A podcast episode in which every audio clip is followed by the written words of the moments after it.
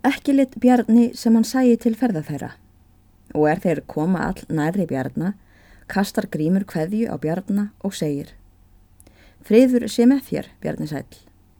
Og með þínum anda, grímur góður, sagði Bjarni.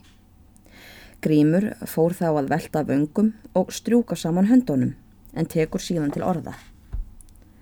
Þú sérð Bjarni sæl að við erum hingað komnir, feðgarnir, í nokkrum erindagjörðum. Já, það sé ég að þið veru komnir, en erindagjörðinar veit ég ekki.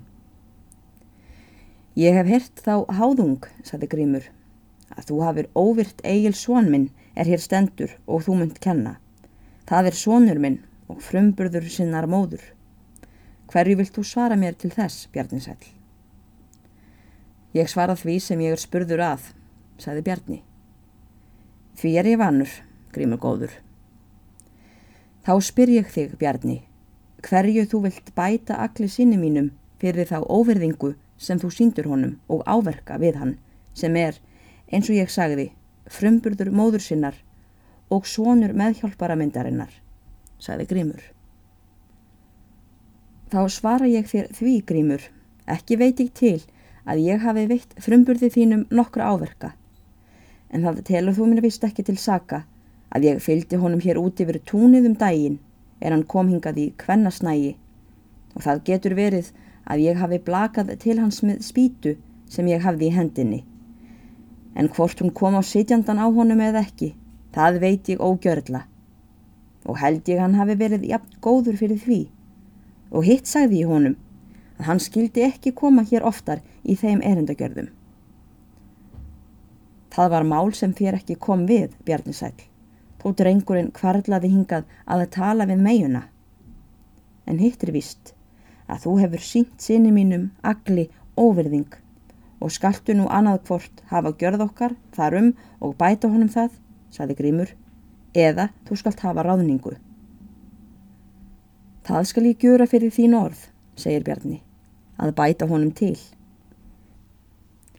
Ég sé þú þekkir ekki veg fríðarins og mun því fara fyrir þér eins og Móses segir, að þú verður slegin með egypskum kaunum og sárum á baka til með ólaknanlegum kláða og óþrifum segi Grímur.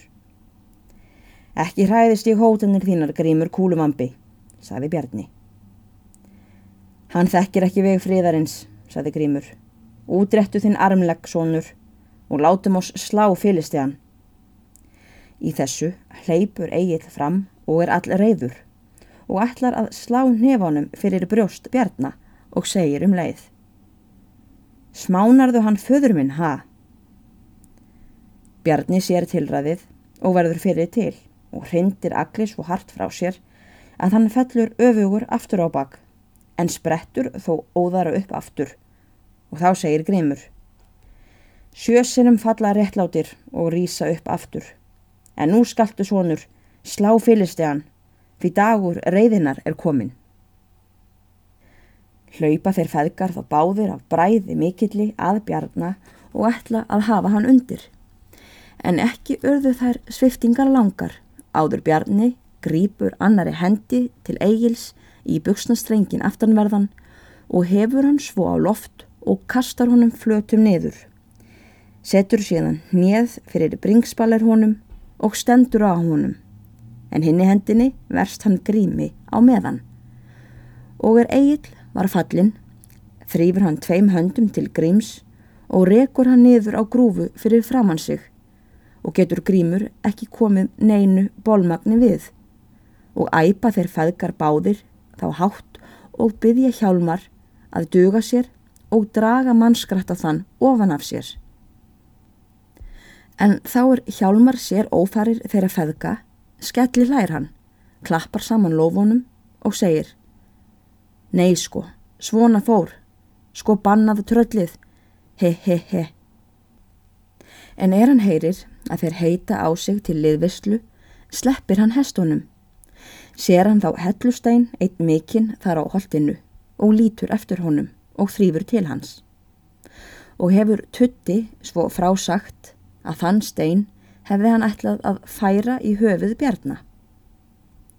Þórun, sýstir bjarna, var þar skamt frá eins og áður er sagt og þvó fött við lindina. Stóð þar hjá henni fata einn full með keituþvæli og þar í fött nokkur sem ennþá voru óþvegin. Og þá er hún sér hvað tutti hefst að og grunar hvað hann ætli að gjöra. Grýpur hún í skyndi sokka eina er lágu í fötunni og voru blöytir mjög að þvælinu. Hleypur síðan þar til sem tutti er og réttir sig upp með steinin. Reyðir hún þá upp sokkana og slæru tutta mikið högg þvert um andlitið með þeim. En er tutti kennir þvælisins í vitin, grýpur hann báðum höndum fyrir augun. Fellur þá steinnið niður, en tutti rekur upp org mikið og öskarar sem nöyt og snýst í ring og verður þá ekki af liðveislu hans. En það er nú að segja að viðskiptum fyrir Bjarni og Gríms að þegar Bjarni hefur rekið Grím niður tekur hann að gjörast fjölþreifin. Seilist hann til buksnastrengs Gríms og er hann hefur neft nöppum þeim er þar voru en slitið suma færir hann brókina niður en skirtu fram yfir höfuð. Grímur var sem vonlegt var fá talaður. Þó segja menn, hann mælti það síðast í halvum hljóðum.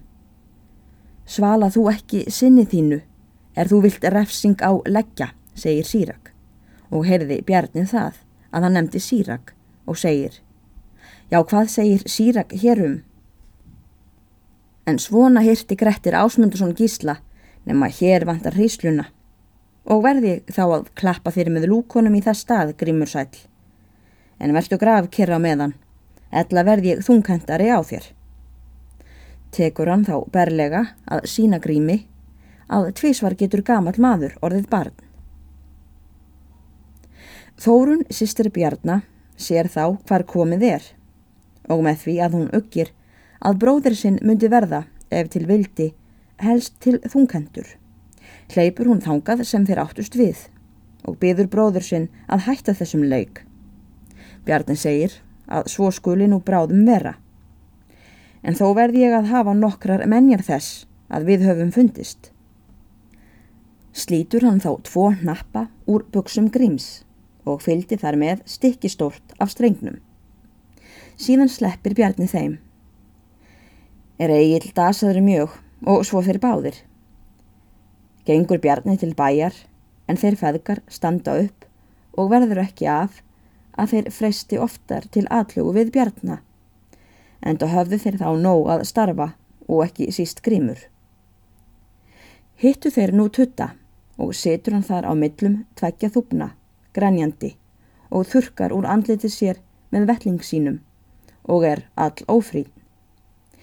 Egil var þá í yllu skapi og lætur hann reyði sína koma niður á hjálmari, setur fótin í hann all hart og segir Hafðu þetta, skömmun þín, fyrir það sem þú sveikst okkur, eða því hjálpaður þú okkur ekki við mannskrattan. Tutti stekkur upp, ránkvolfur augunum, blæsa á eigil og segir Sparkarðu í mig, þrællin? Það vildi ég að það væri mólað hvert bein í skroknum á þér, mélinu smarra, eins og þú breytur í sundur í mér beinin, yllir með þitt, fyrir saklissi Það var þó rétt, þó hann skeldi ykkur báða. Eða hvernig átti ég að hræra mig þegar bansett skessan var búin að blinda mig á báðum augum. En það er ekki þar fyrir, það gildi einu, þó þú fengir fyrir ferðina. Egil ætlaði þá að berja hjálmar, en Tutti tók til fótonna og rann undan agli. Egil eldi hann nokkru stund, en Tutti var ólúraður en Egil þjakaður mjög af viðskiptunum við Bjarnar og jafnan er tutti sá að hann var dregin undan, stóð hann við og kastaði þá óþvegnum orðum á Egil. Egil eldi hann um hríð en loks snýr hann aftur og er hann kemur þar sem bardaginn hafi verið, finnur hann grím föður sinn og býr hann sig til að stíga á hest. Er hann lerkaður mjög og vart einhlítur að komast á bak. Þykir þeim þessi ferð hinn háðuglegasta orðið hafa og ráða þeir það af að ríða heim við svo búið. En það er að segja af hjálmari að hann linnir ekki fyrir hann kemur að stað. Segir hann þá nálega hverjum manni er hann sér frá ferðum þeirra feðka. Segir hann að tröllið á leiti hafi tekið þá báða og leist ofanum meðhjálparan. En getur nokkur prestur minn setið í kór sem hefur verið flengtur, sagði Tutti. Þegiðu bjánin þinn, svaraði prestur. Þessi tífindi urði brátt hér aðs fleig og hendu menn mikið gaman að og verður Bjarni mjög frægur af þessu verki. En er prestur heyrir kals þetta, bregsan reyður við, segir það fyrir mikil að slikt týðkist með kristina manna og nokkrum haldist það uppi óhengtum að göfugir menn og ráðvandir sjömeittir og svívirtir. Hótar hann að setja Bjarnar frá sakramenti og segir að hann væri þess maklegur að búið væri til mál á hendur honum fyrir ofriki og ólögumætt frumlaup að grími. Þegar grímur er heimkomin, gengur hann til kvílu og lætur gnýja mjadmir og mjórygg og smyrja úr samsuðu og batnan honum svo við það að nokkrum dögum eftir er hann ferðafær. Fer hann þá brátt að hitta sér að sigvalda, setja þeir lengi á tali. Verður það ráð þeirra að grímur skuli kveðja heimiliskviðar og stefna bjarna um barsmíðarmálið og þeim hlýðarhjónum um sáttmálarof, fjárráð við þá feðga og telja þeir það vist að ef málið komi í dóm muni Bjarni verða allsekur skógarmadur en Sigurður í hlýð sæta útlátum. En með því grímur þóttist ekki vanur að standa í þingdeildum, handsalar hann presti sökina að lögmáli fullu til gjörðar eða dóms og svo með að fara sem honum líki. Um þessar mundir ræðist Egil frá hlýð og hver þaðan með sömarkaup sitt og hyggur hann nú ekki framar á ráðahag við Sigrúnu. Og er svo sagt að hann héti því á fundinum að hann skildi hugsa að því ráði, mætti hann lífi halda, svo nauðuglega sem hann þá þóttist stattur.